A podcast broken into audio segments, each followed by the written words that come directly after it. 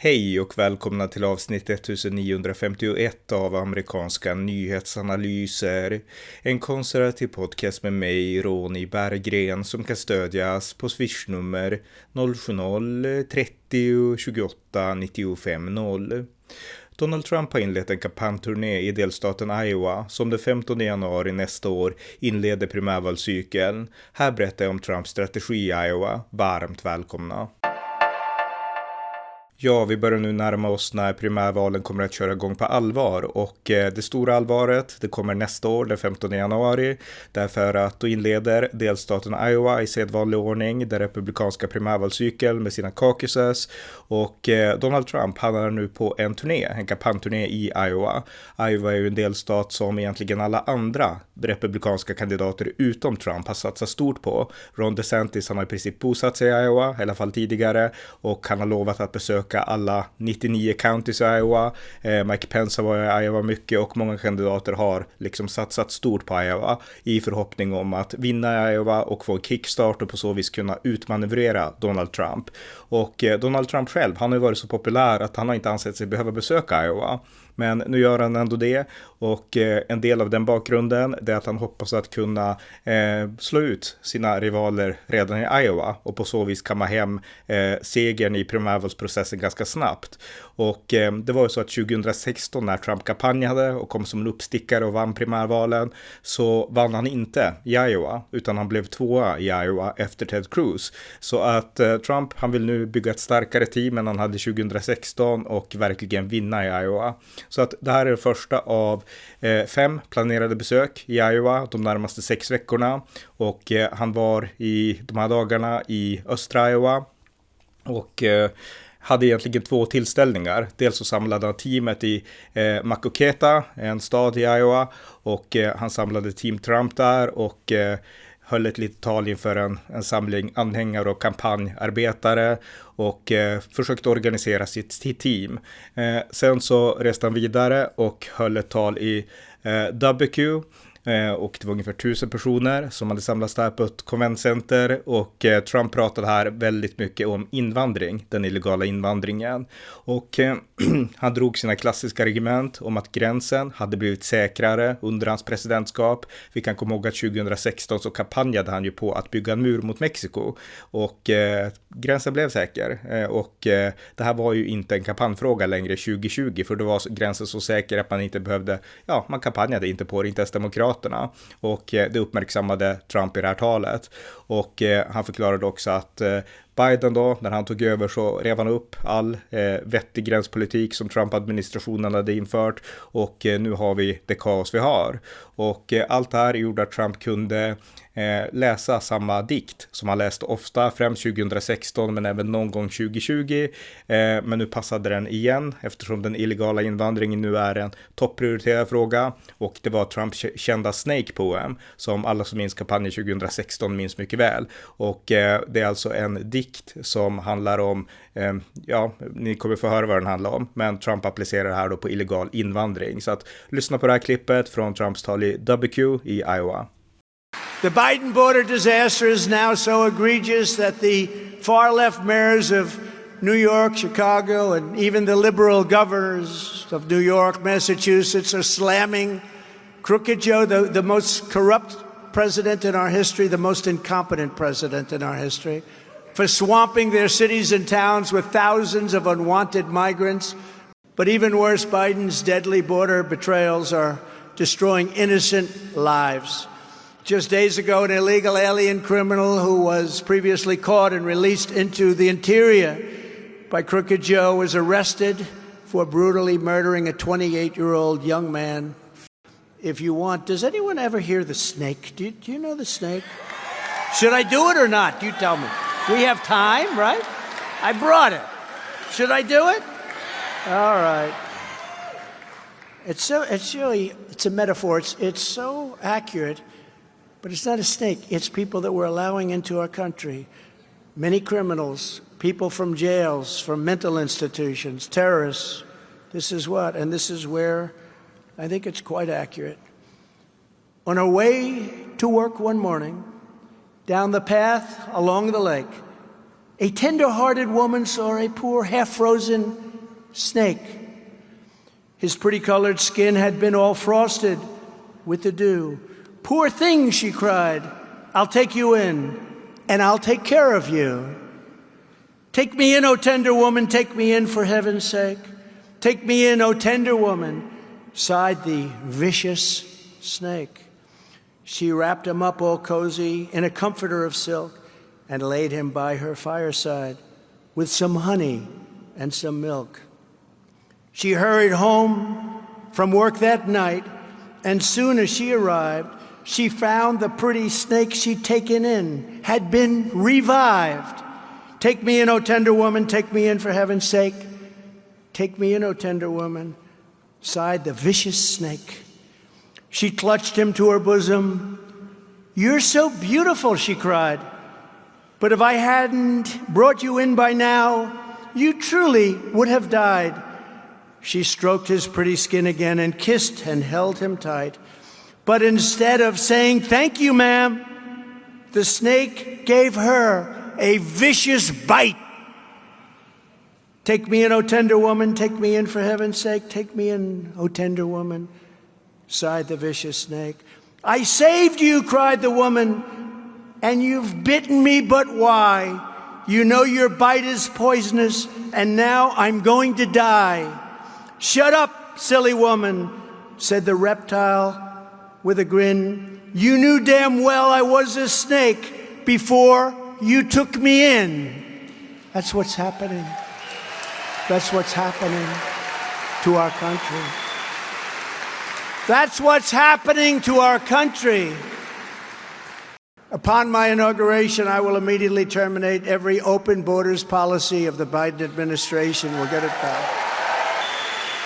And follow the Dwight D. Eisenhower model. So Eisenhower was very tough on the border. People don't see him as that, but he was. We'll carry out the largest domestic deportation operation in American history. And I'll also invoke immediately the Alien Enemies Act to remove all known or suspected gang members. We're gonna, we have tremendous numbers of gang members. MS 13, the worst gangs in the world, they say. I will shift massive portions of federal law enforcement to immigration enforcement, including parts of the DEA, ATF, FBI, and DHS, all of them you know. And I'll make clear that we must use any and all resources needed to stop the invasion, including moving thousands of troops currently stationed overseas, guarding other people's borders. We guard other people's borders, but we don't guard our own. Think of it. Before we defend the borders of foreign countries, we must secure the border of our country. It's very simple. I'll also use Title 42, you know what that is, to end the child trafficking crisis by returning all trafficked children to their families in their home countries immediately. These children have been kidnapped. You saw the great movie, Freedom, you saw the movie, but these children have been kidnapped. But we cannot wait until 2025 to begin stopping Biden's nightmare as a president and on the border.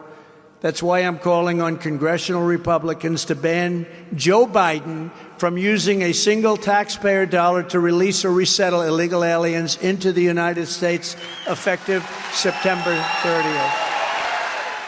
Och eh, i det här talet så betonade Trump sen lösningar. Eh, den illegala invandringen, den är katastrofal igen under Biden, men nu måste det lösas. Och eh, Trump föreslog att om han blir president, omvald, så kommer hans administration att följa Eisenhower-modellen och utföra den största inhemska operationen i amerikansk historia för att deportera illegala invandrare. Och eh, den här operationen som Trump hänvisade till, det är Operation Wetback som Eisenhower-administrationen, republikaner, eh, pålyste 1953 eh, efter att eh, eh, justitieminister Herbert Brownell hade rest runt i södern, i södra Kalifornien och eh, eh sett eh, shocking, en unsettling. Eh, alltså han hade, han hade blivit chockad och besvärad av det han konstaterade var den illegala invandringen. Så man, eh, man startade därför Operation Wetback som gick ut på att eh, militären samlade in illegala mexikaner i Kalifornien och kanske i andra delar av USA också. Och eh, sen hade man ett samarbete med den mexikanska regeringen som ville ha tillbaks arbetare till Mexiko för de hade brist på arbetare där. Så man samlade ihop så många som upp till 1,3 miljoner illegala immigranter. Man satte dem på bussar och man gick in och tog dem alltså från eh, sina hem och från olika arbeten och sådär. Så att det var väldigt brutalt det här. Och eh, så skickade man bara tillbaka dem i, till Mexiko på båtar, flygplan och, eh, och bussar. Och många av de här hade ju levt under lång tid i USA som illegala förvisso, men då fick sina liv uppbrutna och så. Men det var i alla fall den operation som Eisenhower implementerade på 50-talet och det är den som då Donald Trump hänvisar till. Och den här operationen har i efterhand beskrivits som rasistisk och så och eh, givetvis kommer Trumps eh, operation också att göra det.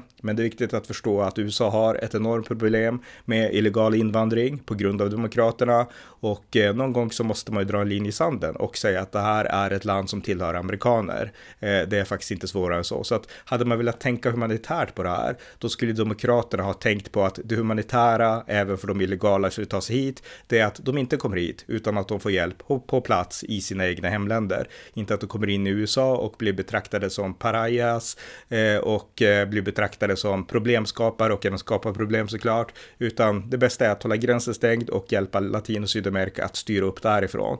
Ehm, så borde Demokraterna tänkt, men så har man inte tänkt, utan man har gjort politik av det hela. Man menar ju att man är de humanitära, men i praktiken så är det en cynisk politik som Demokraterna driver och någon gång måste man dra linje i sanden och det är det som Donald Trump föreslår att han tänker göra. Och jag tycker att det här förslaget var jätteintressant för att jag har inte hört honom eller någon annan egentligen prata om Operation Wetback förut. Så att eh, det ska bli intressant att se hur Trump mejslar ut den här eh, liksom Operation Wetback 2.0 om man säger så. Eh, det eh, ska bli jätteintressant att följa. Men illegal invandring, det var fokuset i hans tal i Iowa på ett sätt som, ja, han nämner ju alltid det egentligen i alla sina tal, men här var det nästan 90% fokus på invandringspolitiken i typ en timme och 20 minuter. Eh, sen nämnde han också de klassiska sakerna. Han nämnde att valet 2020 var stulet och vi måste göra allt för att det inte ska stjälas igen och vi måste göra om vallagarna. Man röstar på en dag, man röstar med en paper ballot och så vidare. Det han alltid brukar säga. Så det sa han också såklart. Han sa också att han ämnade eh, rädda världen från tredje världskrig genom att mäkla fred i Ukraina. Han kände båda partner i Ryssland och Ukraina sa han. Och eh, och så, som man också alltid säger då. Så att eh, det var inget nytt, utan det nya här det var fokuset på invandringen.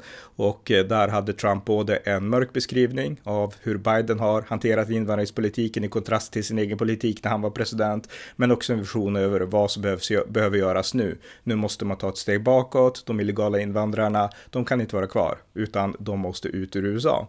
Så att eh, det här ska bli jätteintressant att se hur Trump eh, spelar vidare med just den här politiken. Gällande då kampanjstrategin i Iowa så delade han sen ut pizzor. Trump gick in på en, eh, på en pizzeria rent spontant. Treehouse Pub Eatery in Betterdorf i Iowa. Och eh, alla folk där inne började ropa USA, USA och eh, Eh, så här proud to be an American. Och eh, han, eh, han tog kort såklart och han var, fick skaka hand med folk och alltså, han blev jättepoppis och alla blev jätteglada när han kom in.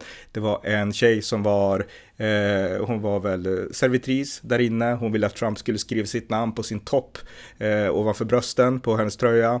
Och det gjorde Trump och eh, alla var jätteglada och eh, alltså han var rockstjärna eh, i Iowa. Så att man kan tänka vad man vill om att Mike Pence är eh, en anständig politiker och att Ron DeSantis han har styrt upp, inte Iowa då, men Florida. Men alltså Trump var rockstjärnan och eh, om man avrundar den här podden med frågan, kommer Trump att lyckas i Iowa? återigen, hans rivaler, de har i princip bosatt sig i Iowa, i synnerhet Ron DeSantis, eh, och alla andra har rest omkring Iowa mycket mer än Donald Trump har gjort, som inte alls har brytt sig egentligen. Så kommer han att lyckas? För han har ju inte gjort så mycket för att på plats vinna väljarnas förtroende. Svaret är utan tvekan ja. Donald Trump kommer att vinna Iowa, ingen annan kommer att ha en chans, och eh, alltså det finns nästan inget, eh, ingen vettig förklaring eller liksom analys som skulle kunna göra en annan bedömning skulle jag säga. Trump har helt liksom, det republikanska partiet är Trumps parti och eh, han har det här året verkligen gjort en comeback i sin ställning i partiet. Eh, så att eh, Trump kommer att vinna Iowa, det räcker nästan med att säga det. Och han leder ju stort, han leder med Enligt en eh, undersökning av Iowa State University och Civics så leder Trump med 37 procent över tvåan Ron DeSantis i Iowa. Så att eh, det, det, finns ju nästan ingenting som tyder på att, eh, att Trump skulle förlora eller bli tvåa i Iowa. Utan han vinner förmodligen Iowa och det kommer förmodligen göra att eh, nu kommer säkert någon kandidat att hoppa av i höst också. Men eh, förmodligen så kommer ganska många att hoppa av efter att Trump har vunnit i Iowa. För då blir det den här snöbollsväkten vidare in i New Hampshire och de andra delstaterna, är det South Carolina och Nevada kanske har inte exakt koll faktiskt, men eh, han, eh, ja, han kommer att sätta igång snöbollseffekten och det är den som de andra kandidaterna hoppas på. Och skulle de inte lyckas med det utan Trump lyckas med det, då kommer det nästan i princip vara kört för de andra kandidaterna. Så att om Trump vinner Iowa den 15 januari nästa år, vilket är troligt, då kommer vi förmodligen att se många avhopp. Och eh, jag personligen anser ju ändå att det här primärvalet är ett av de tråkigare som jag kan komma ihåg. Och jag har ju följt amerikanska primärval i mer än 20 års tid nu. Och det det är tråkigt på så vis att det är så självklart att Trump vinner. Eh, och, eh, och så. Men sen är det spännande i alla fall för att Trump är en spännande person och han gör spännande saker. Så att det är ju alltid, det är drag, det har blivit energi nu, energin har kommit. Och eh, Trump har dragit med sig energin. Och eh, jag menar, Vivek Ramaswamy, han är entusiastisk. Eh, Ron DeSantis, han är, jag vet inte, han är solid, eller är han det? Jag vet inte, men han är, eh, han, han, han, drar inte med sig energin liksom på sina möten på samma sätt som Trump gör, utan Trump är ju karismatisk utan att vara då en evangelikal karismatiker som, som Mike Pence. Men Trump är karismatisk, han har energi och eh, han gjuter verkligen in det i sina anhängare och det är det som på något sätt gör amerikansk politik så häftigt, just energin, att det är levande och att det är en interaktion direkt med väljarna på ett sätt eh, politik inte är i Sverige på samma sätt. Alltså svenska politiker, de kampanjar på sakfrågor, de kan vara snustorra, jättetråkiga eh, och eh, det spelar egentligen ingen roll utan folk röstar på sitt gamla parti och eh, sen spelar det inte någon större roll vilket ansikte som partiet har utåt. Amerikansk politik fungerar ju inte alls så och det är det som gör amerikansk politik så spännande. Så att Trump, han verkar ha en rätt strategi i Iowa. Han kommer som sagt att göra fem ytterligare besök under de här närmsta veckorna och syftet är då att verkligen Eh, eh, kapsla in sitt, eh, sitt stöd där så att han kan vinna då den 15 januari. Eh, nästa republikanska primärvalsdebatt, det är den 27 december, september eh, i Kalifornien, men Trump han tänker då inte vara med då heller. Han var inte med på den första debatten heller och inte heller denna gång. Och frågan är, är det bra eller dåligt av Trump att avstå? Och eh, svaret är nog att det kvittar, därför att han är så populär att det är ju verkligen eh, en kamp om andra platsen på de här primärvalsdebatterna. För Trump han leder i alla fall, det spelar ingen roll om han debatterar eller inte, därför att det är ingen som verkar tycka att Trump har så mycket att bevisa. Alla vet att Trump är bäst i, i de republikanska kretsarna och det är de andra som måste bevisa något. Trump har redan bevisat sitt ungefär med sitt, sina tidigare debatter och med sitt presidentskap och sitt, eh, ja, hur han har agerat och hanterat de här åren efter presidentskapet. Så att Trump har redan bevisat allt han behöver bevisa, tycks väljarna anse. Så att eh, debatten han har förmodligen inte så mycket att vinna på det, men samtidigt finns det fördel med att vara med i många primärvalsdebatter och det är att man blir slipad inför de här allvarliga debatterna i det allmänna valet, alltså Trump versus Biden. Eh, nästan alltid när det har gått bra för eh, kandidaterna i de allmänna debatterna så har de också debatterat ofta i primärvalsdebatterna. Så att det skulle kanske vara bra för Trump att slipa upp liksom någon slags generalrepetition inför debatterna då, som kanske om de nu ens blir av, alltså det är inte säkert Biden ens vill debattera. Men skulle de bli av så skulle det förmodligen gynna Trump att värma upp lite grann med att debattera mot sina egna republikanska rivaler först. Eh, sen, är ju Biden, sen är ju Biden inte den svåraste debattmotståndaren och Trump är ju en talang naturligt, så att det kanske inte behövs heller i det här fallet. Men normalt så brukar det vara bra inför det allmänna valet att ha varit med i primärvalsdebatterna. Så att eh, Eh, ja, eh, så ser det ut. Nästa debatt alltså den 27 september. Så att eh, håll utkik efter en podd då också. Och vi kan avsluta med att säga att Trump och Biden, de har båda trappat upp retoriken mot varandra. Trump, han brukar säga att Biden är totalt korrupt och den värsta presidenten i amerikansk historia. Och eh, Biden själv brukar säga att Trump och hans mega republicans har, eh, är bestämda att förstöra den amerikanska demokratin. Alltså, ja, det, det är ungefär så det låter mellan de här två. Och jag skulle säga att eh, Trump har objektivt rätt, Biden är eh, korrupt och den sämsta president i amerikansk historia i princip, i modern historia. Och Biden har fel, alltså eh, Trump och MAGA Republicans, då vill inte förstöra den amerikanska demokratin. Så det är viktigt att inte bara slänga ut de här olika påståendena som eh, jämlika i innehåll och i tyngd och så, utan Trump har rätt. Eh, där kan man ju såklart tycka annorlunda om man vill det, men eh, Biden har definitivt, definitivt fel i sin beskrivning av Trump och MAGA Republicans. De vill inte förstöra den amerikanska demokratin. Ehm, så att så ser det ut i alla fall. Ett viktigt besök av Trump i Iowa där fokuset var den illegala invandringen. Tack för att ni har lyssnat på amerikanska nyhetsanalyser, det konservativa alternativet i det vänsterliberala svenska mediebruset som kan stödjas på swishnummer 070-30 28 95 0 eller via hemsidan på Paypal, Patreon eller bankkonto. Skänk också gärna slant till valfri Ukraina i samling. Tack igen för att ni har lyssnat och allt gott tills nästa gång.